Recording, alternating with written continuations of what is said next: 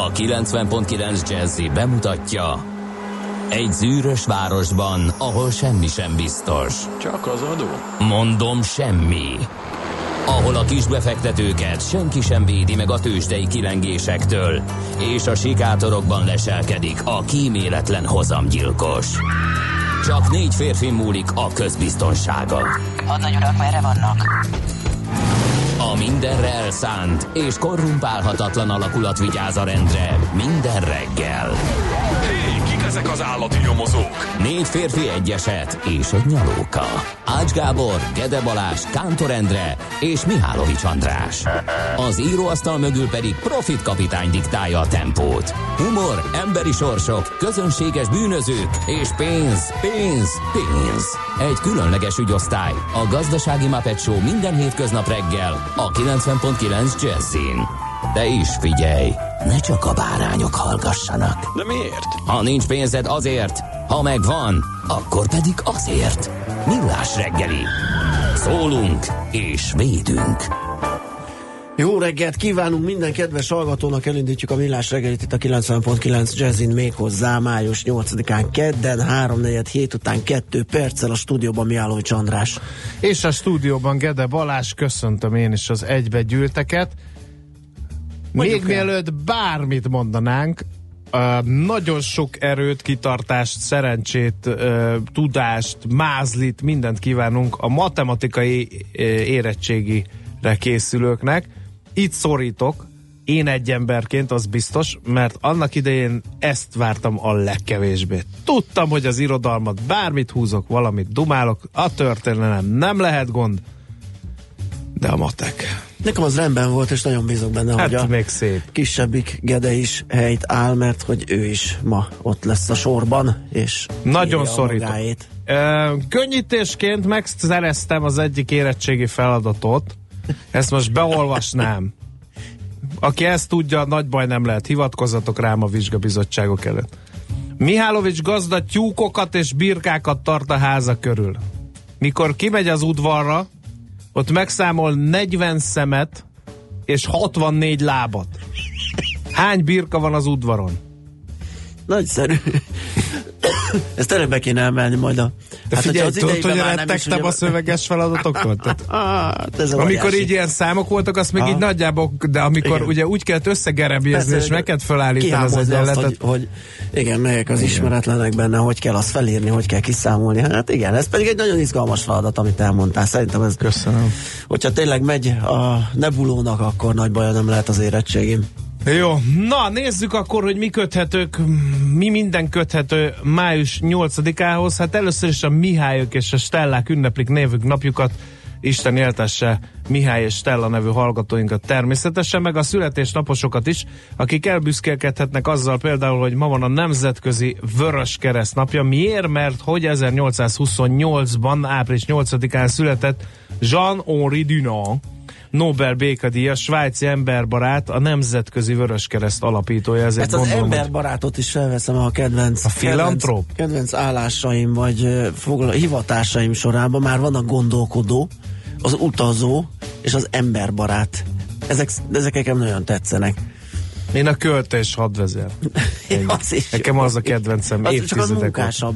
Ezek olyanok, hogy De ez, hogy ez munkásabb? Hát a szórakozás. lenni. Igen. Először jó, csatározol, Igen, igen. utána Az írsz is egy óda a levágott ellenséghez, és Az is már igaz. kész is van.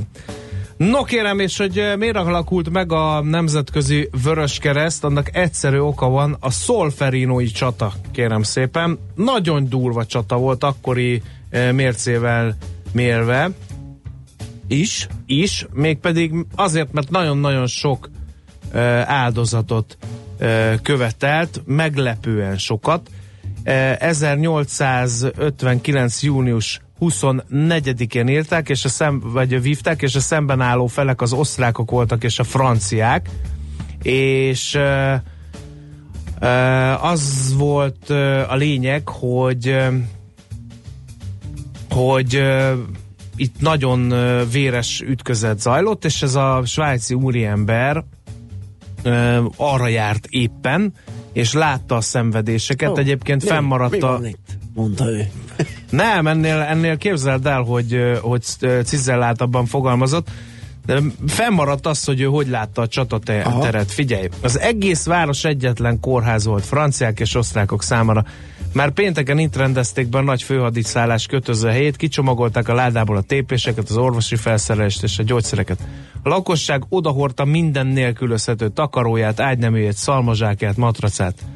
A Castigliolei kórház, a templom, a Korostól és a San Luigi kaszánya, a kapucinosok temploma, a Csendőr kaszánya, a Maggiore, a San Giuseppe és a Santa Rosaria templomok mind megteltek sebesültökkel. Szorosan összezsúfolva feküdtek a szalmán, de szalmával borították az ott lakók az utcákat, udvarokat, tereket is, hogy elhelyezzék a mindenfelől özönlő sebesülteket, deszkából, vászomból hevenyészett tetőkkel védték őket a naptól, és annyira megrázta ez a kép Jean-Henri Dunantot, hogy azt mondta, hogy valamit tenni kell, és ezért létrehozta a Vörös Kereszt elődjét. Ez egy ilyen bizottság volt, és annak volt a, a titkára, majd ebből nőtte ki magát ugye a Genfi megállapodás a hadviselés szabályairól. Úgyhogy nagyon fontos dátum a Nemzetközi Kereszt napja. Van egy másik fontos dátum is, ez pedig a győzelem napja Európában, ugyanis 1945. május 8-án kapitulált a német hadsereg, és ezzel az európai hadszintéren befejeződtek a harcok, hát ez ugye, ez is egy fontos dátum, ott is tengernyi szenvedés ért véget, és ehhez képest Kismiska, de azért nem kevésbé jelentős, hogy a méltányos kereskedelem a Fair Trade világnapja is közel nem sokára, az a hétvégén lesz, de itt viták vannak, hogy akkor most ma van, vagy a hétvégén lesz. Megpróbáljuk tisztában ne, tenni, 3-8 után beszélgetünk erről Gulyás Emesével, a Tudatos Vásárlók Egyesületének munkatársával. Aztán jeles napok, hát kérem szépen 1429-ben Jean d'Arc, akit akkor még nem neveztek Orláni szűznek, május 8-án felszabadította az angolok által osramott Orleán városát, és utána értelemszerűen már Orleáni szűznek nevezték. Bevallom őszintén Zsandárk hadvezéri képességeit én nem értem, nem tudom, hogy ismeritek-e a sztorit, egy egyszerű nagyon egyszerű, nagyon alacsony hát származású parasztlány volt, és állítólag szólt hozzá az úr, Igen. és utána olyanokat húzott, hogy az angolok, akik előtte tönkreverték egy párszor a franciákat, nem nagyon tudtak vele mit kezdeni. Úgyhogy egy ilyen isteni sugallatból lett ő ö, hadvezér. Aztán 1886-ban röppenjünk el, de maradjunk május 8-án. A Georgia állambeli Atlantában Dr. John Steve Pemberton kikevert az első Coca-Colát. Akkor még nem sejtette, hogy nem azt, hogy béka emberekkel fog találkozni, hanem hogy ebből ekkora siker lesz. Igen, de valami gyógyszernek szánta először, Gyógyszernek ugye? szánta, igen, és eladta a halára előtt a receptjét, az megvan? Aha.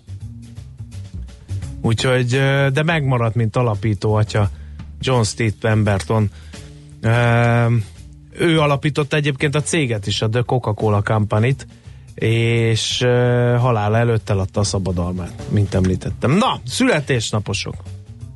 A Vörös Kereszt alapítóját, hát persze választ. Ugye, igen, sokan vannak a mai napon. Igen, hát a Vörös Kereszt alapítójáról megemlékeztünk, Zsanari Dunarról, aki nem mellesleg Nobel békedíjas svájci emberbarát, és ő az alapítója a Nemzetközi Vörös Keresztnek, és az ő napjuk van ma. Aztán ki legyen, az aranyköpésünket Sir David Frederick Attenborough adja, angol zoológus, író, filmrendező 1926-ban született ezen a napon, úgyhogy majd fél kilenc után egy magvas mondásával tisztelgünk előtte. Jó. Uh, én kit válasszak? Hát... Na? Talán Laux Józsefet, magyar rock és jazz dobost, az Omega és az LGT tagja is volt. Ő 1943. május 8-án született, sajnos 2016 óta már nincs velünk. Illetőleg ide olloznám még a Sidney James-t, a folytassa sorozatba azt a nagyon markáns alak, aki mindig a hölgyeknek a nagy rajongója. Ja, uh, tudom. Megvan? Most már igen, igen, igen, igen, igen, igen. Ez egy kicsit ilyen krumpliorú igen. gumiharcó ember. Igen. És a hölgyek kedvéért, csak hogy tudjátok, 1975. május 8-án született Enrique Iglesias, Grammy Grammy és Latin Grammy díjas spanyol énekes. Annyira... Igen, azt nem ígérhetem, hogy tőle jön az első ö, dal, de mm, mindenképpen. Szerintem Köszönjük. a második se, mert ha szeretnéd, Sőt, hogy viszonylag gyorsan hazamenjek, akkor egy jó Enrique Iglesias összeállítás. Maszkura jön és a tücsökraj.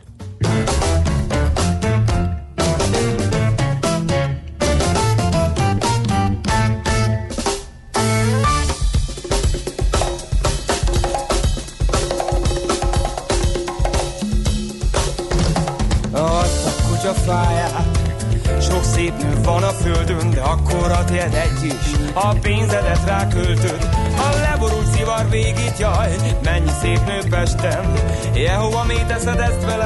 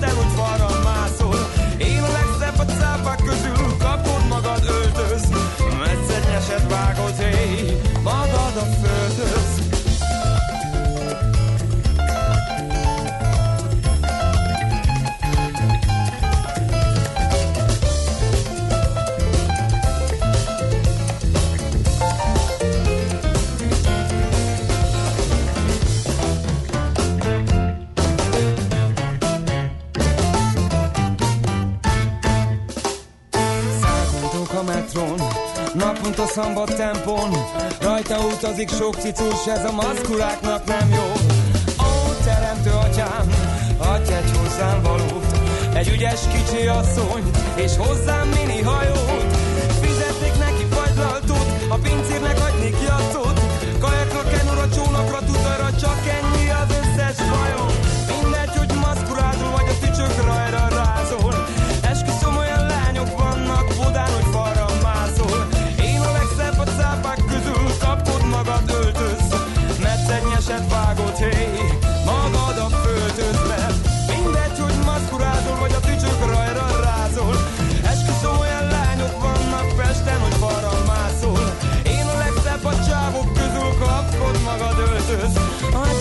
Metszegnyeset vágod, hé Magad a földhöz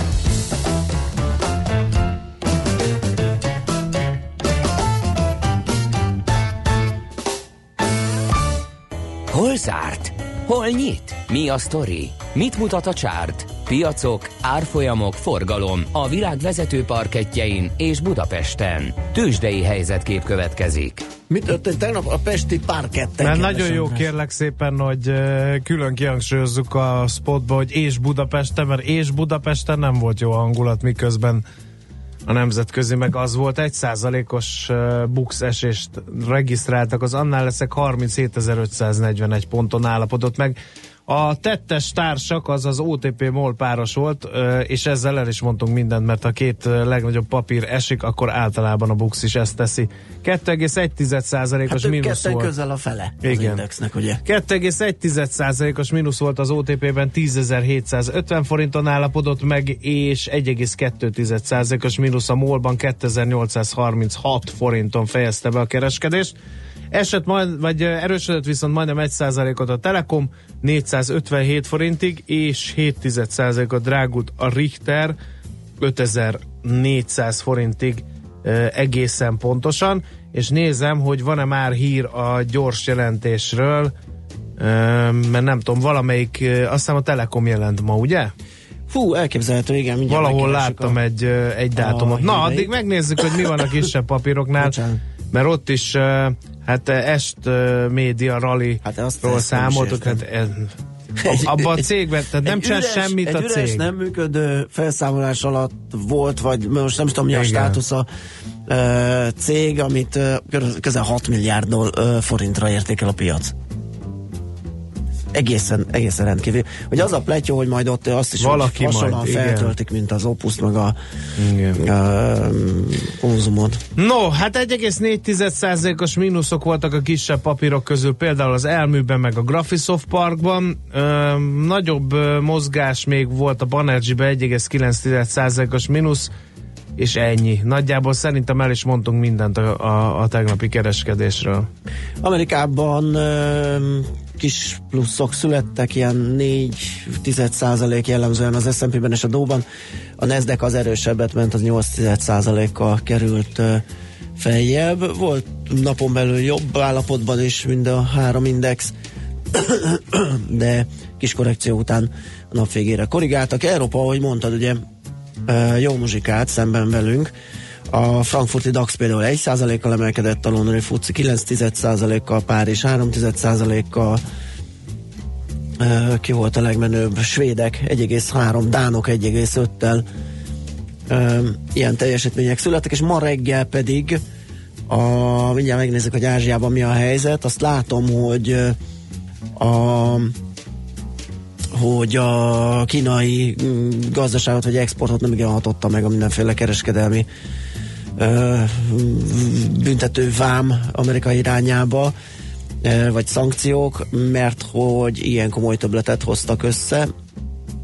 Ennek megfelelően gondolnám, hogy jó muzsikál a tőzsdéjük is, de most nagyon nem találom, hogy éppen mit csinál, úgyhogy megpróbálom még kikeresni. Azt mondja, hogy itt van Shanghai 1 százalék pluszban áll. A kínai A50-es index az 2 százalékban, a Hang Seng 1,4-ben, Taiwan is jót megy 8 tized, százalékos a plusz, a Nikkei pedig 1 tized százalékban, tehát azt, mondani, azt lehet mondani, hogy Ázsiában is jó hangulat.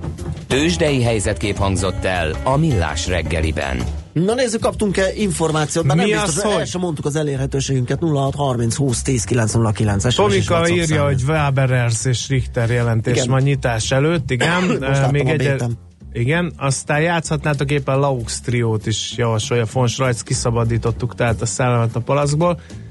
És a Mihálovics gazdás feladványra mindazok, akik például 20 birkát írtak, írjanak be maguknak egy fekete pontot, mert marhára nem ez a megoldása a feladványnak. Még egyszer elmondom, Nem kéne, kéne lehet benne valami számológépet és függvénytáblázatot lehet használni. A1, Mihálos gazda A1 nyomda részvényei után kapott osztalékából vett hozzá még valahány tyúkot, vagy ezt majd a Még egyszer, körben? Mihálovics gazda tyúkokat és birkákat tart a házak körül. Mikor kimegy az udvarra, megszámol 40 szemet, mert ugye jó gazda mindig megszámolja a Igen. jószágot, és 64 lábat. Hány birka van az udvaron, könyörgöm? Ennyi a feladvány. Mondjuk én nem tudnám, de hát ugye aki nem tudja, azt tanítja.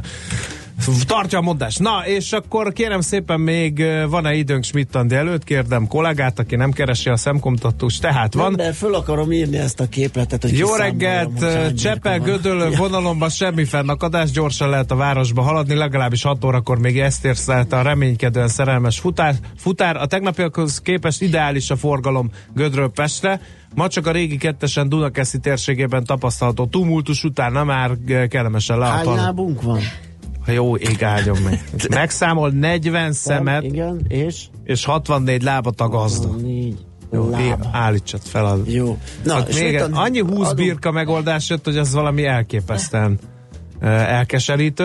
hát ez Azt lehet. mondja Katinka, hogy álomállás a tengerjáró zongorista. Napi két-három órát játszol, gyönyörű ruhában, napközben szabad vagy, mehetsz kirándulni, és a munkaköri leírás a vendégfedélzeten levés, all inclusive, mínusz alkohol, kvázi nyaralsz, és még fizetnek is, írja ő. Hát igen, ez csak zongorázni kéne tudni. Hát- Akkor már is betölthetnénk. Aztán megtudtuk a hallgatót, hogy Safi macska ma hat éves. Ó, Még sose gratuláltam egy macskának. Pedig volt itt egy kolléganő, neki volt egy kutyája, ő mindent megtett, hogy ilyen emberként kezeljem a kutyát, de én állattenyésztő vagyok, ott szocializálódtam. Én nem tudok ilyen fifikésen visszanyúlni semmilyen állathoz. Az állat az állat, nem? Ennyire? Figyelj, a Schmidt-Andi én úgy érzem, hogy a műsor egyik csúcspontja az, amikor így a 7 órás hírek előtt végre szabadon garázdálkodhatunk. Ebbe a Schmidt-Andi háromszor ásított bele, de akkorát, hogy majdnem lenyelt. Úgyhogy én abba hagyom schmidt a híreket. Jó. Safi macskának gratulálunk, Isten éltesse születésnapján. Kérem azokat az évfolyam társaimat, akikkel együtt végeztem, ne mosolyogjanak meg, hogy engem is elért az, hogy meggratuláltam születésnapján egy macskát. Nagy nap ez az életemben. Műsorunkban termék megjelenítést hallhattak. Hírek a 90.9 Jazzin. Ma alakul meg az új parlament. A matek írásbelivel folytatódik ma az érettségi. Napos felhős időnk lesz ma, elszórtan lehetnek záporok, jelenleg Budapest felett tiszta az égbolt és 16-17 fokot mérünk. Jó reggelt kívánok, 6 perc elmúlt 7 óra. A mikrofonnál Schmidt Andi. Ma tartja alakuló ülését az új országgyűlés. Először a választáson mandátumot szerzett képviselők tesznek esküt. Ezután bejelentik a parlament megalakulását és a 2014-ben létrejött kormány megbizatásának megszűnését. Ettől kezdve az új kormány megalakulásáig a kabinet ügyvezetőként gyakorolja hatáskörét. Orbán Viktor miniszterelnök az új kormány legfontosabb feladatának a biztonság és keresztény kultúra megőrzését nevezte. A Kossuth Lajos téren és környékén az országgyűlés alakuló ülése miatt forgalmi változások lesznek érvényben. Közben ma reggel fél hétkor a készenléti rendőrség kiürítette a Kossuth teret, ahol hajnalban még pár tucat tüntető tartózkodott. A rendőrök egyenként szólították fel őket a távozásra. Végül kivitték mindegyiküket. A tüntetők nem tanúsítottak ellenállást. Tíz perccel később a tér már üres volt. A tervek szerint a parlament alakuló ülésére körbe kordonozzák a Kossuth teret, illetve a TEK is megszállja a környéket. A Jobbik már előre bejelentette, hogy le akarja bontani a kordont. Este 6 órára pedig nagy tüntetést jelentettek be a helyszínre az ellenzéki civilek. Újabb fertőzött vaddisznót találtak Heves megyében. Április 21-e óta összesen öt tetemnél mutattak ki afrikai sertéspestist. A vírus nagyon ellenálló, hónapokig fertőzőképes lehet. Az orosz szakszolgálat ideiglenes korlátozást vezetett be a Magyarországból származó élő sertések és sertéshúsból készült hústermékek, sertésembrió és reprodukciós anyagok bevitelére. Ukrajna, Szerbia, Japán, Tajvan, Szingapúr, Dél-Korea, Ausztrália, Fehér Oroszország és Dél-Afrika Magyarország egész területéről, Macedónia pedig Heves megyéből tiltotta meg a magyar sertéshús bevitelét. Nem volt nehéz az idei magyar érettségi, legalábbis ezt nyilatkozta a diákok és pedagógusok többsége. Csak nem 74 ezeren adnak számot tudásukról, emelt és középszinten. Ma a matematika írásbelikkel folytatódik az idei érettségi szezon. Letette az elnöki hivatali esküt Vladimir Putyin. A 65 éves orosz, orosz vezető negyedik ciklusát kezdi az ország élén. A hivatalos adatok szerint a szavazatok 76,7%-ával nyerte meg a március 18-ai választást. Az eskütétel után újabb hat évig kormányozhatja Oroszországot. Vladimir Putyin hangsúlyozta, az országnak áttörésre van szüksége az élet minden területén. Vége az elektromos autók némaságának. Egy hangtalanul suhanó kocsi esetében 40%-kal nagyobb az esély arra, hogy elüt egy kerékpárost vagy gyalogost, mert az nem hallotta a jármű közeledését. Ezért 2019. júliusától minden Európában újonnan eladott elektromos és hibrid autót hangszóróval is fel kell szerelni. Nem ússzák meg a már forgalomban lévő kocsik sem, azokba 2021-ig kell az extrát beszereltetni. A járművek olyan zajt fognak hallatni, amely az utasokat nem zavarja, de a járókelők kerékpárosok számára könnyen felismerhetővé teszi az érkező járművet. Ma napos felhős időnk lesz a Dunántúlon és az északi megyékben. Záporok, zivatarok is kialakulhatnak. Délután 20 és 27 fok, késő este pedig 14 és 19 fok között alakul a hőmérséklet. A hírszerkesztőt Schmidt-Tandit hallották friss hírek legközelebb fél óra múlva. Budapest legfrissebb közlekedési hírei a 90.9 Jazzin a City Taxi Dispécsejétől. Jó reggelt kívánok a kedves hallgatóknak! A megszokott reggeli forgalommal találkozhatnak az autósok a fővárosban. Egyelőre folyamatos tempóban közlekedhetnek a bevezető utakon, jelentősebb torlódásról egyelőre nem kaptunk jelentést. Kollégáink elmondása szerint a Király utcából továbbra sem lehet kihajtani a Károly körútra. Demonstráció miatt a belvárosban várható ma jelentősebb fennakadás. A Kossuth tér, Szalai utca, Markó utca, Vadász utca, Nagy Sándor József utca, Honvéd utca és Garibaldi utca által határolt területen kell lezárásra, a környéken pedig erős torlódásra számítani. Aki teheti, ma délelőtt kerülje a belvárost és környékét. Köszönöm figyelmüket, mindenkinek jó utat kívánok! A hírek után már is folytatódik a millás reggeli. Itt a 90.9 jazz Következő műsorunkban termék megjelenítést hallhatnak.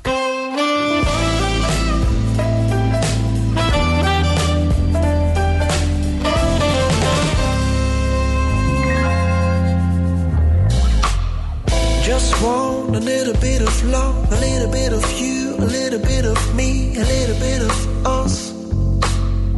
Let's have some fun. Just want a little bit of love, a little bit of you, a little bit of me, a little bit of us. Just have some fun. Just want a little bit of love, a little bit of you, a little bit of me, a little bit of us. Let's have some fun.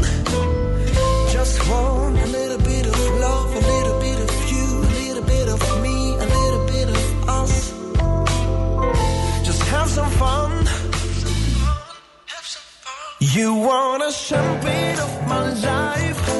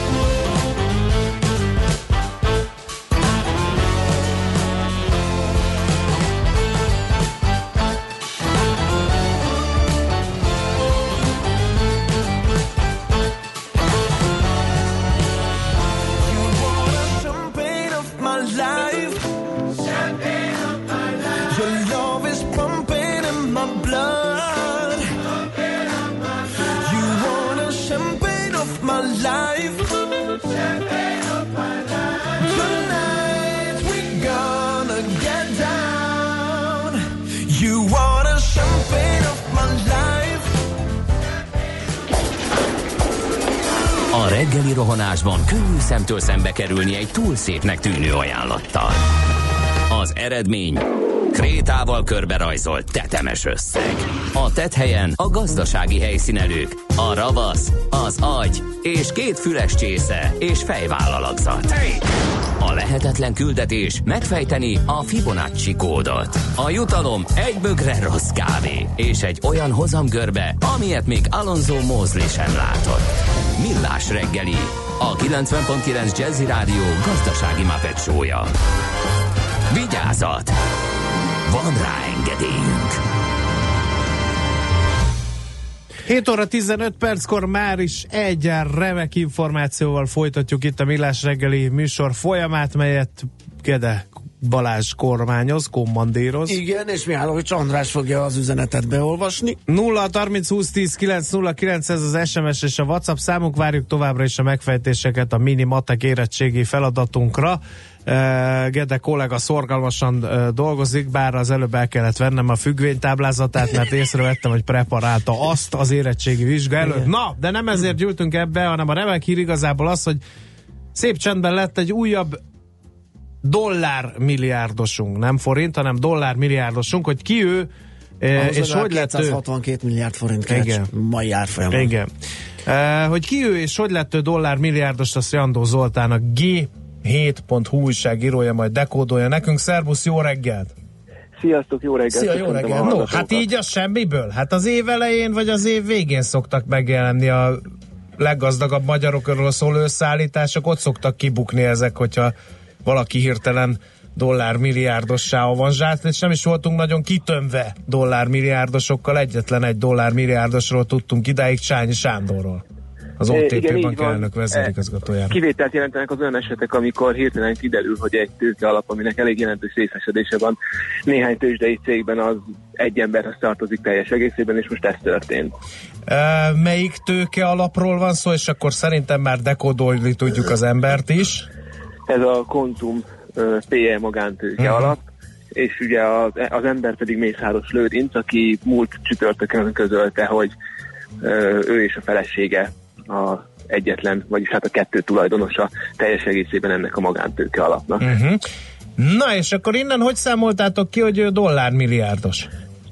Ugye azt eddig is lehetett sejteni, hogy a tőke alaphoz neki van köze, de pontos uh, tulajdoni hányadokat ugye nem lehetett tudni, és azért van ennek jelentősége, mert van három olyan elég nagy értékű tőzsdei cég, amiben a konzum PL magántőke alapnak elég jelentős részesedése van 20 és 40 százalék közötti. Uh-huh. Ezekben Mészáros Lőrincnek is van közvetlen tulajdona, de ugye olyan keresztulajdonlások voltak, főleg addig, amíg nem lehetett tudni, hogy ez a magántőke alap kihez tartozik, ami miatt nem lehetett pontosan visszafejteni, hogy mennyi. Uh-huh. Uh, azzal, hogy ők most elmondták azt, hogy ez teljes egészében hozzájuk tartozik, azzal azért elég sokat tisztult a, a kép, és jóval átláthatóbb lett.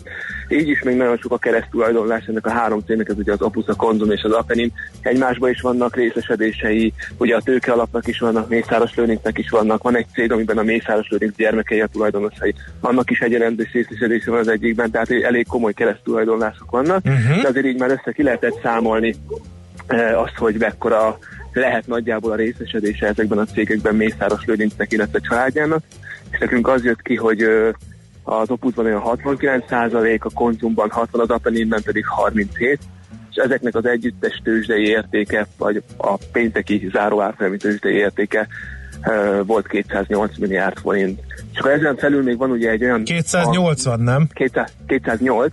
208, ja, értem. 208, és e- e fölött még van egy ö, olyan megállapodás az Opus, illetve Mészáros Lőrinc között, ami február közepén született, és ö, az a lényege, hogy bizonyos cégeit beviszi az Opusba Mészáros Lőrinc, amiért cserébe majd részvényeket kap, akkori megállapodás szerint 100 és 130 millió darab között, itt, ami ugye a jelenlegi árfolyamon 70 és 90 milliárd forint között van, és így jött ki ez a 280-300 milliárd forint közötti beszélés, ami ugye azt mutatja meg, hogy csak a Béten jegyzett három cégben mekkora részvény vagyona van Mészáros Lőrinc. Ja, és ezzel gyakorlatilag elséri Csányi Sándor vagyonát, ugye? Mert Igen, ezt akartam Kétféle kérdezni. becslés van nála, és ott a felső, a, a Forbes az 290 körül van, és, és akkor azt, azt már meg is közelíti. Ugye az egy elég szép tempó, és megmondta, hogy még akár Zuckerbergnél is ügyesebb, hiszen 2010-ben volt 100 millió körüli vagyonok, 15-ben pedig 8,5 milliárdja. Igen, Aha, valóban. Hát ez elég szép. Nem tudom, hogy a világon van, tudunk-e hasonlóan méretes és tempós gyarapodásról, de hát ez egy...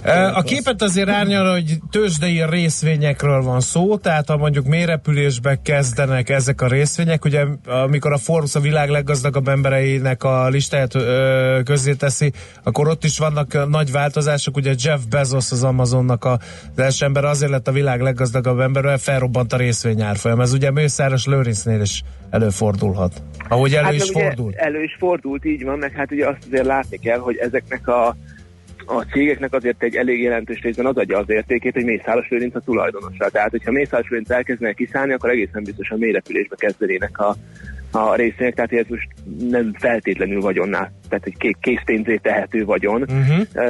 De, de ettől független a piaci értéke most ennyi, és hát ugye, amit még itt ott pedzegettünk a cikkben, hogy ez, ez csak a tőzsdén lévő cégeinek a, az értéke, és van egy rengeteg olyan cég, ami nincsen tőzsdén, illetve nem is viszi be, sőt, amit ugye bevisz, ezek közé tartozik egyébként a Mészáros és Mészáros, illetve az Erkort Kft. az a két építőipari cég, ami ugye a legtöbb állami megrendelést kapja a csoportból. Uh-huh. Ezeknek sem az egészét viszi be, csak az 51 át tehát 49 még nála marad. és ugye Mhm. a De mondjuk akkor ezeket is be fogja tudni árazni a piac, hiszen hogyha 49% bemegy ebbe, akkor valamilyen szinten, és ugye megint csak feljebb megy az árfolyama ezekben a cégekben lévő részesedések, akkor ugye vissza lehet fejteni, hogy ami nála maradó 49% az is nagyjából. becsülni, igen. igen. Igen, hát e, e, arra a következtetés lehet jutni, hogy ezek is 10 milliárdokat érhetnek. Uh-huh. Van még ő ezen kívül ö, vagyona? Ugye lehet tudni, hogy foci csapatokban is ö, van részesedése. Miket mondanak, hogy még mi az, amiről, amiről ugye nem lehet tudni, hogy milyen értékben? Hát ugye egy elég, tehát az ő céghálója az egy eléggé terjedelmes valami, hogy pontosan melyikben van tényleg valós érték, azt, azt nagyon nehéz megmondani, de biztos, hogy vannak olyanok, amik még nincsenek benne a tőzsdei csoportban, tehát valószínűleg egy elég jelentős mennyiség olyan cég van, Mhm. amit még, még fel lehetne értékelni. Köztük van például ugye a eszéki futballcsapatot működtető is, uh, illetve hát vannak ingóságok, ingatlanok, uh, ezekre vannak módszertanjai azoknak a lapoknak, akik szoktak ilyen becslést csinálni, Mhm. hogy hogy pontosan hogyan veszik ezeket figyelembe, de Értem. azért nem lenne meglepő, hogyha még legalább akkora lenne Igen. a vagyona, mint amekkora a tőzsdei rész. Jó, kitárgyaltuk, nagyon szépen köszönjük, hangsúlyozzuk, hogy ez a 280 és 300 milliárd forint közötti vagyon, ez csak a tőzsde cégeire vonatkozik van. Mészáros Lőrincnek, de már így is dollár milliárdos. Nagyon szépen köszönjük Köszi az szépen. információkat, jó munkát nektek! Köszönöm. köszönöm nektek is. Szervusz. Szia. Sziasztok! Jandó Zoltánnal a G7.hu újságírójával adtunk hírt arról, hogy újabb dollármilliárdossal büszkélkedhet Magyarország, Mészáros Lőrincnek hívják őt. E, muzsikáljunk, és akkor utána a mini matek érettségi feladatunknak a megoldását fogjuk elárulni, meg átnézzük, mit ír a magyar sajtó. Na mi van, kiskancsók? Mókusos Ben Hurt játszik?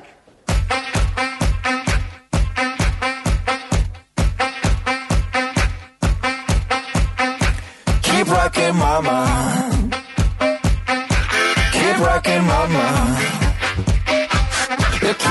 Mama. There ain't nothing to worry, ain't nothing to worry about. You and your good friend, we're breaking laws tonight. Keep messing, mama.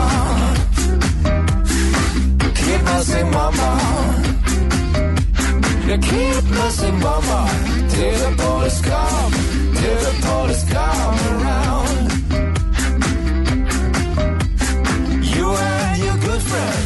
Have a little ball tonight. Don't stop grooving. Don't stop grooving. Don't stop grooving. Shake all your clothes. Shake all your clothes and now.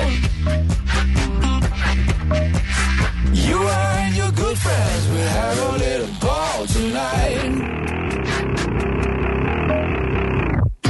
Rocking, mama. Keep rocking, mama.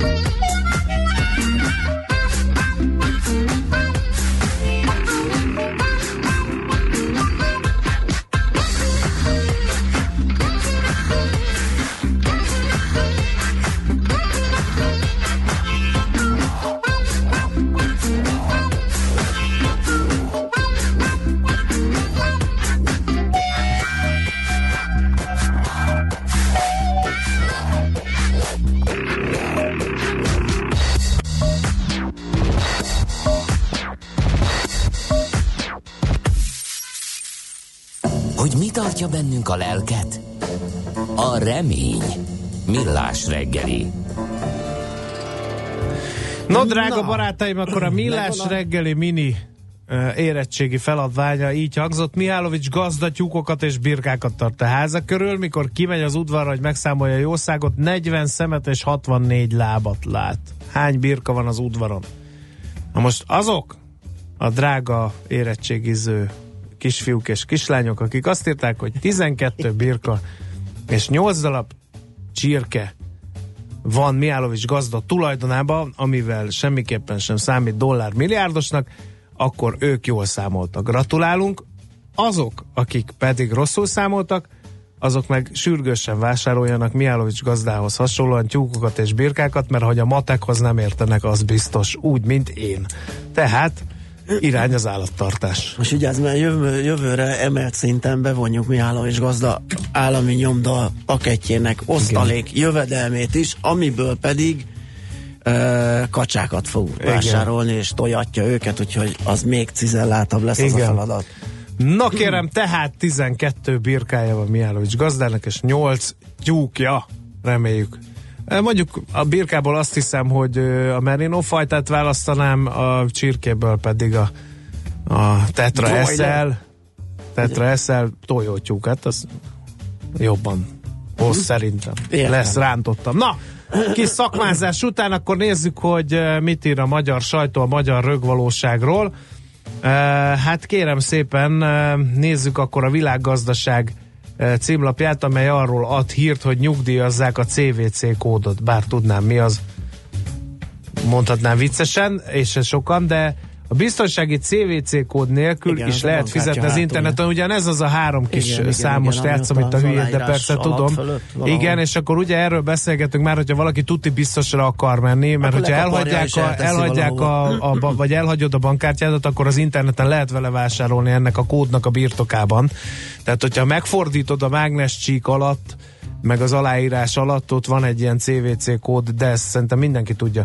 Na, szóval azt írja Nagy László Nándor kolléga a világgazdaságban, hogy ö, a jogszabályok nem írják elő ennek a használatát, a kártyacégek is csak bizonyos esetben kötelezik az online kártyálfogadókat. Um, úgy tűnik, hogy ez az extra védelmi eleme ennek a rendszernek, ez a három, illetve négy egyű biztonsági kód. Kiderült, hogy semmilyen komolyabb szabályozás nem teszi tehát szükségessé a védelmi vonal használatát. A booking.com például abban az esetben, ha az ügyfél egyértelművé tette, hogy lefoglalja a kiválasztott szállást, ma már a kód bekérése nélkül is levonja az ellenértéket a számlánkról, a Magyar Nemzeti Bank elmondta a világgazdaságnak, a vonatkozó jogszabályok nem fogalmaznak meg követelményeket a kód alkalmazására, azt kártyatársasági előírások, valamint a kereskedők és kártyelfogadó szolgáltatók közötti szerződések szabályozzák. Aztán végre valahára, és ezt is a világgazdaságban olvashatjuk, a reptéri buszjárat sűrítéséről tárgyalnak.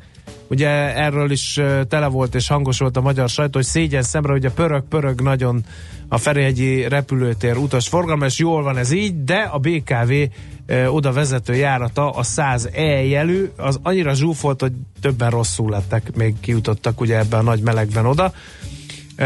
A BKK vezetése is sűrítene, tehát ennek a reptéri busznak a menetrendjén. A hét közepén már tárgyaltak erről, a múlt hét közepén a Budapest Airport képviselőivel, és azt is mondta a BKK, hogy valótlanok azok a sajtóinformációk, hogy sokan lennének és rosszul eh, lennének a buszon. A vonal tavaly júliusi megnyitása óta összesen hat esetben regisztráltak a BKK szerint rosszul létet. Igen, ez, ez a, a szám ez, meg nem ez kiugró fontos, más igen, Ez fontos képest. ez a regisztrált eset, aztán nyilván voltak hát, sokan, akik amikor de most megérkeztek, kinyílt az ajtó, és jobban lettek, de nem, akkor nem. De nem, nem csak az, hát igen. hát most te most tegyük fel rosszul vagy, életszerűen játsszuk el a helyzetet és tényleg rókabört teszel bele egy papírzacskóba, akkor utána oda mész, hogy regisztrálják már, hogy én rosszul lettem, nem, vagy ez, a ez mi? róka, rókabőrrel már regisztrálod, tehát akkor az már egy... egy De mi honnan tud róla hát a onnan, zsúfolt hogy- buszon a sofőr? Hát, mert nagy, utána nyilván ki kell takarítani, hogyha nem mind az utasokra ment és nyomot Mhm. hagyott. Tehát gondolom a regisztráció az így történt, hogy valamilyen nyomot hagyott uh, szerencsétlen, aki rosszul lett, vagy tényleg jelezni kellett, vagy esetleg orvos kellett hozzáhívni, de valószínű volt egy pár olyan eset is, ami nem hagyott nyomot, csak simán a zsúfoltságtól eredő átmeneti rosszul léteket eredményezett, gondolom én.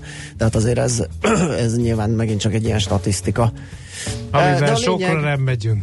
Mivel sokra nem megyünk, de azzal igen, hogyha tényleg tárgyalnak a, a járat sűrítéséről, már sokkal előbb meg lehetett volna tenni, hát szemmel látható Hát volt, meg hogy miért nem csinálunk már, ha népszerű. úton Európába, stb., akkor miért nem csinálunk egy rohadt gyors vasutat már 30 De, éve? de ez is érthetetlen volt, tehát ráadásul kifizetődő a járat látható, ugye már nem egy esetben kiszámolták a gazdaságossági mutatóit, népszerű volt, tehát tök kézenfekvő lett volna viszonylag gyorsan emelni a járat számot, sűrűséget, mindegy, ha minden igaz, akkor most meg lesz. A napi.hu azt írja, hogy egy csodálatos lehetőség, amivel valószínűleg nem fog élni Magyarország, és itt arról van szó, hogy egyre nő a globális energia igény, és ezzel együtt nő a szeméthalom. Egy ügyes húzással mind a kettőt kezelni lehetne, mert hogy a szemét halom elégetésével energiát lehetne előállítani, és ezzel a megnövekedett energiaigényt kielégíteni. Arról, hogy ezt mi miért nem fogjuk kihasználni, vagy miért nem lesz ez előnyünkre a cikkből, lehet talán bővebben olvasni, nem olvastam még végig. Csak ezt, hogy ez a lényege, hogy milyen megoldásokat keres gyakorlatilag az egész világ, az EU-ban is így megy ez. Az az állítás, viszont hulladékból évről évre egyre többet termelünk, ez nyilván nem meglepő, és hogy az EU is azt szeretné, hogy 2025-re a tagállamok települési hulladékának legalább 55%-át újra hasznosítsák, aztán ez az arány emelkedik majd 30-ra, 60%-ra, 35-re, 65%-ra. Tehát napi.hu vezetőjében lehet Aztán a népszava, a közbeszerzés, Csekről ír egy jó kis cikket. Tavaly minden eddiginél korábban mértnél nagyobb összeget, a GDP 9,4%-át, 3400 milliárd forintot költött el közbeszerzések útján a magyar állam. Mégis minden tizedik cég indul csak el közbeszerzési eljáráson, az építőipari cégek között azért nagyobb az arány 19%-os. Az átlátszó uh, túrta ki korábban, hogy uh, 10 kormány közeli vállalkozó érdekeltségei összesen nettó 2115 milliárd forint értékű megbízást nyertek el közbeszerzéseken.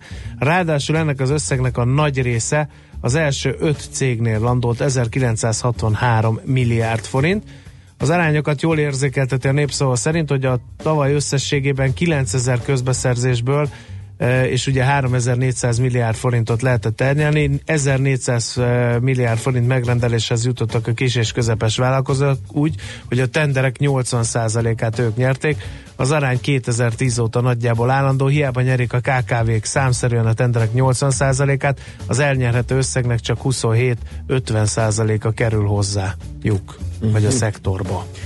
Na jó, hát nyilván akad még más egyéb olvasni való, és mi ezt szemléztük. Most megyünk tovább, Schmidt Andi rövid híreivel. Van esetleg üzenet, ami fontos Igen, lehet? a kettő perán Pest felé a Selkút Hát az- előtt áll egy kamion elakadásjelzővel, Charlie Firpo írta, aztán mi van még itt?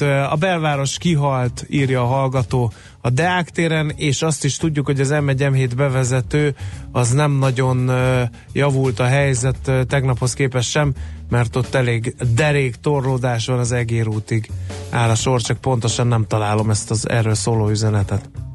Oké, okay, jönnek a hírek Schmidt Andival, aztán jövünk vissza. Műsorunkban termék megjelenítést hallhattak.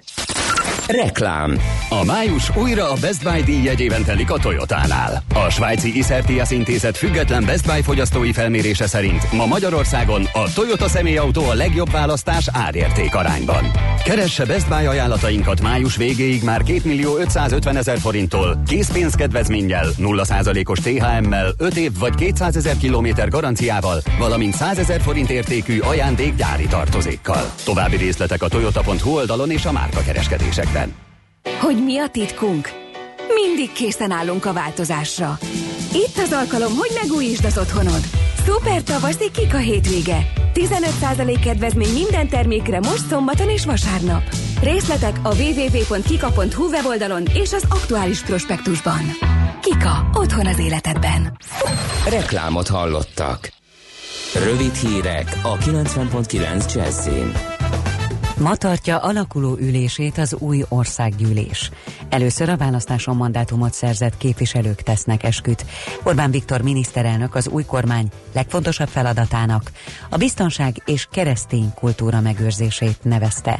A tervek szerint a parlament alakuló ülésére körbe kordonozzák a Kossuth teret, illetve a TEK is megszállja a környéket.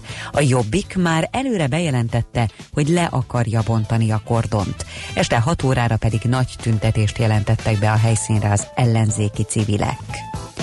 Milliárdokat kell elkölteni a hónap végéig a szép kártyákról. Bár a május elsőjei hosszú hétvégén rengetegen fizettek a kártyákkal, a 2016-ban feltöltött összegekből csak nem 4 milliárd forint van még a számlákon. Ezt május utolsó napjáig kell felhasználni, utána a megmaradt pénz visszakerül a munkáltatókhoz. Az áll tudományok ellen indít honlapot az Akadémia. A tudomány.hu-n közétett első összeállítás a védőoltásokról, az oltás ellenességről és az európai kanyarójárvány okairól szól. Mivel a tévtanok hamis elméletek terjedése világszerte, így Magyarországon is egyre erősödik, az MTA közgyűlése a tudomány eredményeinek hiteles és közérthető közvetítésére szólította fel a kutatókat. Megkezdődött a kémiai szúnyogírtás. Ezen a héten mintegy 70 ezer hektáron Budapest és Szeged mellett. Baranya, Bácskiskun, Csongrád, Győrmoson-Sopron, Somogyvas és Veszprém megyében permeteznek. A központi szúnyoggyérítési program ütemterve elérhető a katasztrófa védelem honlapján. Felverte a lakáspiaci árakat az Airbnb. Egy tanulmány szerint 2009 és 2016 között New Yorkban a bérleti díjak átlagosan 25 kal 280 dollárral emelkedtek havonta. Manhattanben akár 700 dolláros is lehetett a drágulás. Az Airbnb tagadja a vádakat. A San Franciscoi székhelyű vállalat szerint a tanulmány szerzői bűnbakot keresnek a makacs New Yorki lakásválság miatt. Az Airbnb több mint 5 millió hirdetést kínál 81 ezer városban és 191 országban. A szolgáltatást már több mint 300 millió vendég vette igénybe. Napos felhős időnk lesz a Dunántúlon és az északi megyékben, záporok, zivatarok is kialakulhatnak. Délután 20 és 27 fok, késő este pedig 14 és 19 Celsius fok között alakul a hőmérséklet. A hírszerkesztőt Schmidt-Tandit hallották friss hírek legközelebb fél óra múlva. Budapest legfrissebb közlekedési hírei, itt a 90.9 jazz jó reggelt kívánok! Baleset történt a Petőfi híd Pest felé vezető oldalán a Budai híd után. Torlódásra számíthatnak. Korábbi baleset miatt helyszínelnek a Tétényi úton a Bixádi utca közelében. Telítettek a sávok a Váci úton befelé a Megyeri útnál, az M3-as autópálya bevezető szakaszán a Szerencs utcáig és a kacsó úti felüljáró előtt, a Hősök tere környékén, az M5-ös autópálya fővárosi szakaszán az autópiasztól befelé, az Üllői úttól a Könyves Kálmán körúton mindkét irányban, a Rákóczi hídon Budára. Lassú a haladás a Jászberényi úton befelé az éles sarokhoz közeledve, a hatos főúton befelé a Háros utcai felüljáróig, Csepelen a második Rákóczi Ferenc úton az m 0 csomópont közelében, a Budai alsórakparton a Petőfi hídnál északi irányban, a Margit hídtól a Lánchídig, a Pesti alsórakparton a Margit hídtól délre. Akadozik az előrejutás a Hűvösvölgyi úton és a Budakeszi úton befelé a Szilágyi Erzsébet fasor előtt, a Szélkálmán tér környékén. Nyesőné Vas Gabriella, BKK Info. A hírek után már is folytatódik a millás reggeli. Itt a 90.9 jazz Következő műsorunkban termék megjelenítést hallhatnak. szerencse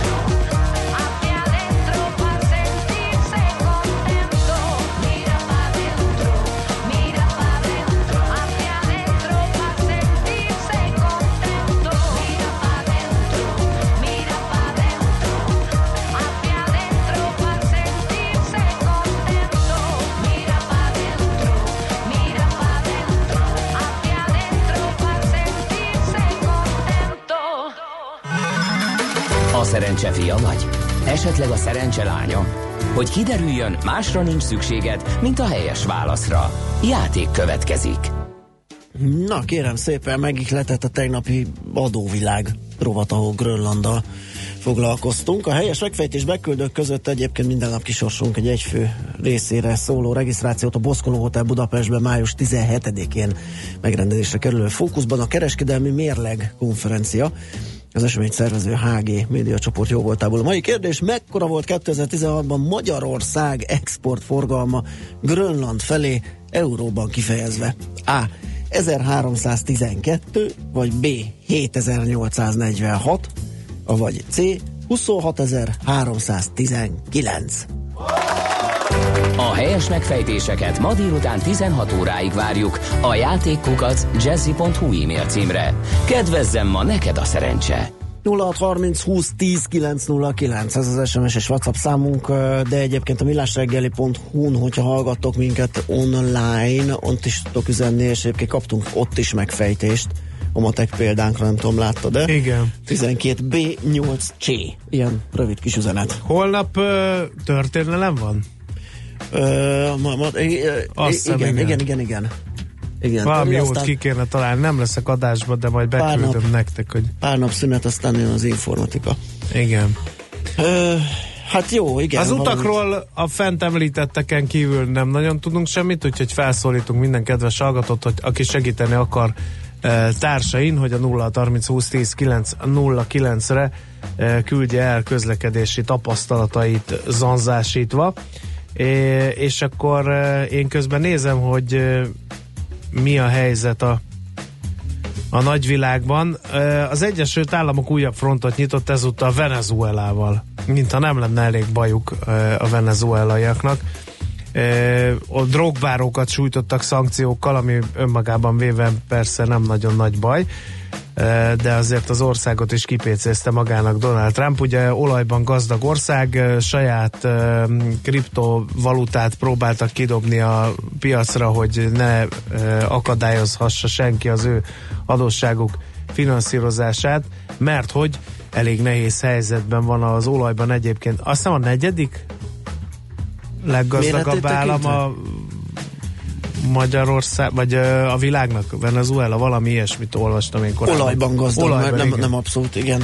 Igen. Szóval uh, szeretnék kizárni uh, az amerikai államok szervezetéből, uh, amely 35 latin-amerikai országot tömörít, és Mike Pence beszélt erről, azt követelte Nicolás Maduro venezuelai elnöktől, hogy függesse fel a május 20-ára kiírt választásokat, mert szerinte, mármint Mike Pence amerikai alelnök szerint úgyis csalásokat fognak elkövetni. És arra biztatta egyúttal a Venezuelával szomszédos országokat, hogy léptessenek életbe szankciókat, például vízum megszorításokat. E, aztán ugye a pénzügyminisztérium Mike Pence beszédével egy időben bejelentette, hogy három venezuelai dogbárót e, is szankciókkal sújtanak, akiknek kormányzati kapcsolataik is vannak. Megtagadjuk a korrupt venezuelai rezsim tisztségviselőitől hozzáférést az amerikai pénzügyi rendszerhez és nemzetközi partnereinkkel együtt. Azon munkálkodunk, hogy támogassuk a venezuelai népet a demokrácia helyreállításában, mondta az amerikai pénzügyminiszter. Tényleg ö, ott egyre melegebb a pite Venezuelában, úgyhogy ezért beszélünk Hát ha lehet még fűteni, egyáltalán igen. Ö, Na, zenéljünk egyet, aztán, aztán, aztán mi jön? A Fairtrade napja van, vagy lesz mostanában, ugye? Nem tisztázott, hogy A egész hétvégén. pontosan- A hétvégén, igen. Gulyás Emesével a Tudatos Vásárlók Egyesületének munkatársával beszélgetünk pillanatokon belül.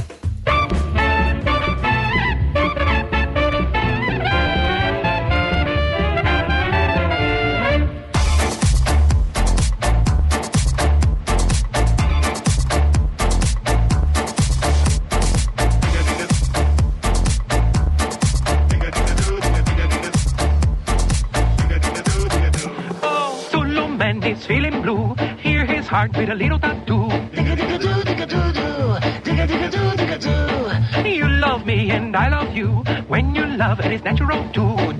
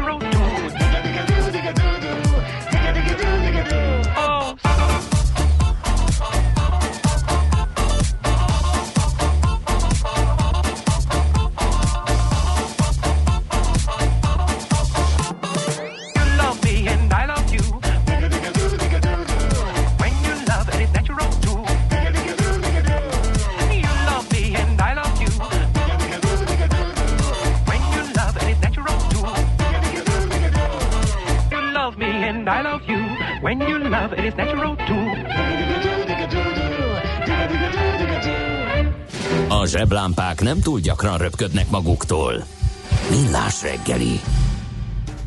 Na hát jeles nap a mai, vagyis a hétvégi. Igen, 1958-ban az annál lesz szerint május 8-án nyílt meg, azaz pont kereken 60 évvel ezelőtt az első Fairtrade alapokon működő üzlet, és gyakran vádolnak bennünket hallgatók, hogy érzéketlen karvajtők és mentalitással közeledünk a világhoz. Hát ez a beszélgetés, amely most következik, erre rá fog cáfolni, mert hogy pontosan a Fairtrade-ről beszélgetünk Gulyás Emesével, a Tudatos Vásárlók Egyesületének munkatársával. Jó reggelt!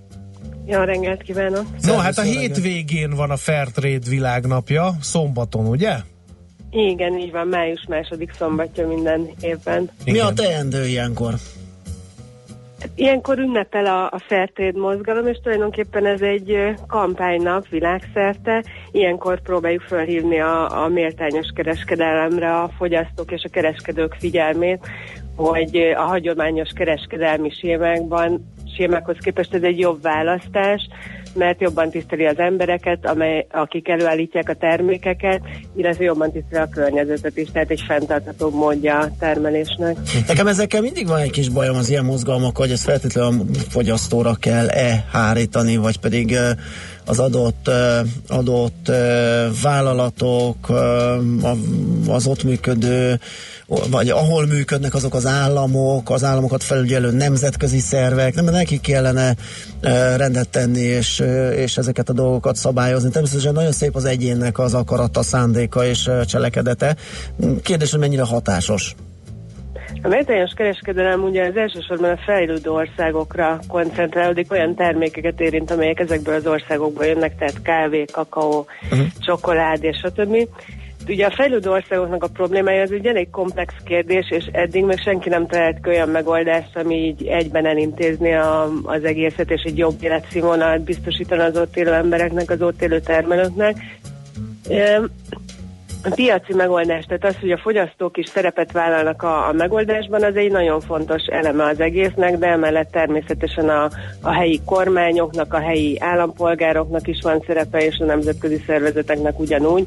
Legyenek ezek magánkezdeményezések, mint például a méltányos kereskedelmi mozgalom, ugye ennek is megvannak ma már a nemzetközi szervezetei, de alapvetően egy magánkezdeményezés, vagy akár a, az állam, államokat szövetítő nemzetközi uh-huh. szervezetek. Tulajdonképpen hogy kell elképzelni, mi ez a Fairtrade? A Fairtrade az egyrésztről egy mozgalom, méltányos kereskedelemnek hívjuk magyarul. Azt jelenti, hogy méltányos munkakörülményeket biztosítunk végső soron a termékeket előállító munkásoknak és, és termelőknek. Ez onnan indul ki ez az alapgondolat, hogy az európai, észak-amerikai fejlett gazdaságú országok mindig is támogatták a, a lemaradó országokat különböző segélyprogramokon keresztül, illetve hát nagyon sok esetben ugye ott el egy gyarmati múlt uh-huh. ezek mögött a kapcsolatok mögött, és megfogalmazódott az a, a gondolata a korai 20. századon vagy 20. század közepén, és így tovább, hogy mi lenne, hogyha mondjuk segélyek helyett a piaci eszközöket vetnénk be. Tehát, hogyha mondjuk van egy ország, ahol, ahol jó a kakó, vagy a kávétermesztés, vagy jó a banántermesztés, akkor inkább vegyük meg ezeket az árukat egy magasabb, méltányosabb áron, és ezáltal erősítsük a, a gazdaság önállóságát, mint hogy segélyeket De ez... osztunk, ami nem, egy, nem feltétlenül egy hatékony Ez kiszámolja ki, hogy mi a méltányos, vagy, hogy, vagy hogy sikerül egy Igen, ilyen tehát mennyi, mennyi, mekkora összeggel fejeljék meg az amúgy ö, nyomottnak mondható terményárat? Igen, ez egy nagyon fontos kérdés. Tehát egy- egyrészt ott kezdtem, hogy a feltréd ez egy mozgalom, aminek ezek az eszmély alapjai, másrészt pedig egy minősítő rendszer is. Tehát ugye, ha bemegyünk a boltba, akkor ott vannak ezek a, a plecsnik, és ennek van egy ilyen koordinációja, egy nemzetközi szervezet, és ők évről évre összeülnek, és minden országra minden terméktípusra, tehát van egy ilyen mátrix, hogy banán Ecuadorból, kakaó vagy kávé elefántcsontpartról, stb. stb. Ott mik azok a, a termelési költségek, amiket figyelembe kell venni, és ez a szervezet meghatároz egy minimum árat a feltéthez kapcsolódóan, amit ki kell fizetnie annak, aki a rendszerbe be akar lépni. Uh-huh. Ugye a, a kereskedőknek vagy a feldolgozóknak az az előnye, hogy egy elég jelentős marketing támogatást kapnak. Igen, de akkor ez egyértelműen a végfelhasználó számára egy drágább dolog, ha Fairtrade terméket vásárol. Ez nem kontraproduktív? Hiszen mondjuk a magyar fogyasztó az rendkívül árérzékeny mindenféle felmérés szerint. Igen, általában drágábbak a termékek, de itt ugye meg, tehát két nagyon fontos dolog van.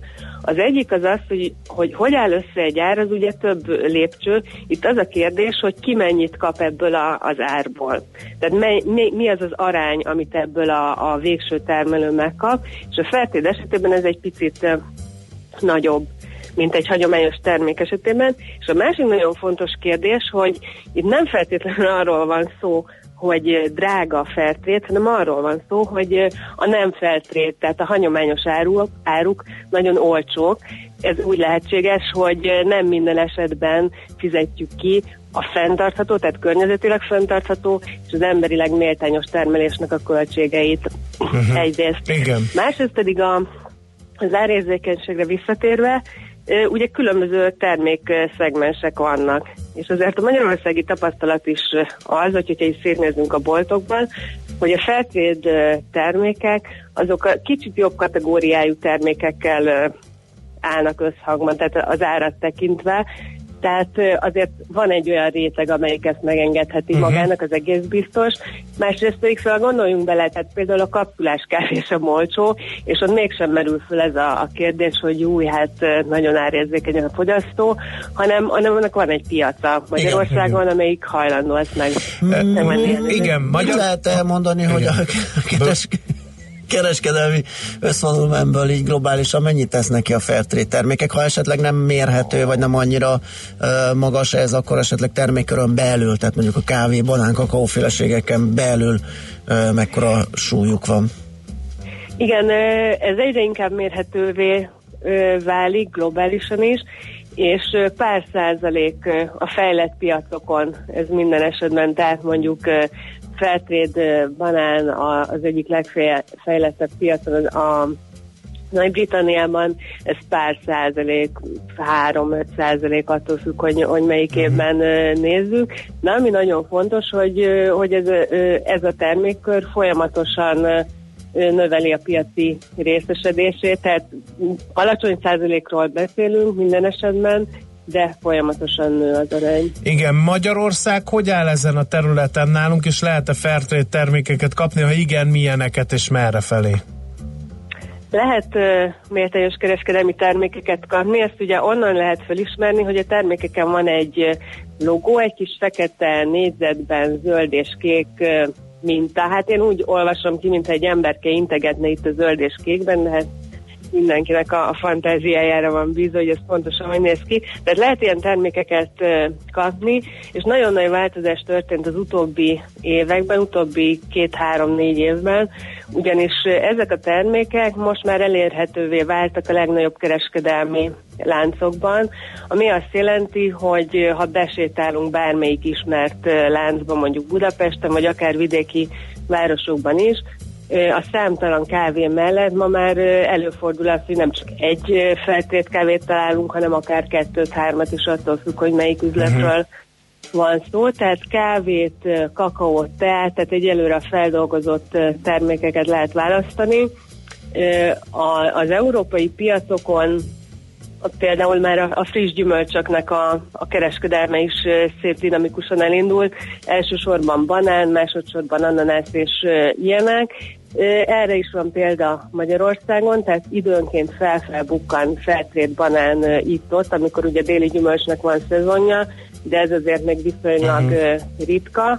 De szóval az a jó hír, hogy aki az ilyen termékeket keresi, azért ma már viszonylag könnyen választhat ilyet. Igen. Biztos, hogy oda kerül ez a pénz a Fairtrade címkés termékek megvásárlásával, Igen, ahova szánja az ember? Ott ahol, ugye, jó. ott, ahol ugye pont a problémák felmerülnek, azért hát vannak kifogásolható közigazgatási szervek, eljárások, amelyek nem biztos, hogy garantálják ezt. Jó, ez, ez egy nagyon jó kérdés, és nagyon örülök, hogy megkérdeztétek, mert a, ez a feltéd rendszernek az egyik lényegére e, világít rá. Hát itt ugye nem arról van szó, hogy mint egy segélyprogramban, vagy egy ilyen adományozási programban, hogy valaki összegyűjti a pénzt, és akkor utána visszaadja, hanem itt van egy előre meghatározott ár, amit minimálisan ki kell fizetnie annak, aki a feltréd rendszerében részt vesz, és ennek a, a marketing előnyeit élvezi, tehát a, a kereskedői feldolgozói gyártói oldalról. Tehát itt az van, hogy eleve amikor megtörténik az árucsere, akkor a termelő már egy magasabb árat kap. Tehát nem vissza sorok, hanem megkapja. És azok a, az ellenőrző szervezetek, akik amelyek ellenőrzik a, a Fairtrade minősítésnek az odaítélését, ellenőrzik ezt a, ezt a folyamatot is, uh-huh. tehát hogy van egy ilyen biztosíték. És a másik nagyon fontos, amit el akartam mondani, hogy a, a Fairtrade nemzetközi szervezete az rendszeres időközönként készít hatástanulmányokat, és ez nagyon jó és nagyon átlátható módon csinálják ezt, tehát megnézik, hogy mondjuk, ha már szóba került, Ecuadorban a, a banán ültetvényeken a fair trade, az, az hogy muzsikál, és nagyon jók ezek a, a jelentések, általában felkészült egyetemi kutatókkal együtt csinálják a hatásmérés módszertanának figyelembevételével, és nagyon őszintén beszélnek arról, arról is, ami nem megy, vagy ami esetleg nem úgy sikerült, ahogy uh-huh. eltervezték, hát természetesen rendszer szinten rendszer szinten, és az, az eredményekről is beszámolnak. Tehát azt gondolom, hogy ez az egész egy nagyon átlátható módon működő mozgalom és minősítési Igen. rendszer. Nem akarnám összezavarni a hallgatókat, de van egy UTZ Certified címke is, ami nem a Fairtrade, de már majd nem az? Vagy, mert ezt viszont a Fairtrade-del szemben jóval gyakrabban látom a magyar üzletek polcaira kerülő termékeken. E, igen, de össze lehetne zavarni a hallgatókat, mert nem is egy feltétminősítési rendszer van, hanem több. A, az UTZ nem használja ezt a, a kifejezést. Én azt mondanám, hogy ha, egy fogyasztó jót akar tenni, akkor választhatja ezeket a termékeket is, mert mindenképpen jobbak, mint a, a teljesen átlagos termék, viszont gyengébb kritériumrendszerrel dolgozik, mint a, a méltányos kereskedelem, uh-huh. például minimumárat nem ír elő. Értem. Jó, akkor tisztába tettük ezt, és nagyon szépen köszönjük, Köszön szépen. és akkor jó munkát kívánunk. Köszönöm, szép napot! Szervusz, szép, szép napot! napot. Gulyás Emesével a Tudatos Vásárlók Egyesület munkatársával beszélgettünk a Fair Trade-ről, mert hogy a Fair Trade világnapja ezek szerint, ahogy kiderült, minden május második szombatja. De akkor ugye nincs műsor, viszont a téma fontos. Így ezért... is van, ezért most emlékeztünk meg róla. Na, kérem, az van, hogy megyünk tovább. Schmidt Andi pillanatokon belül itt lesz, és mond nektek friss híreket, azután jövünk vissza. Folytatjuk a millás reggét itt a 90.9 Jazzin, méghozzá a Brain Bar Fesztivállal. Arról fogunk beszélgetni a fesztivál társszervezőjével, beszélni Nagy Gergelyel. A zseblámpák nem túl gyakran röpködnek maguktól. Millás reggeli.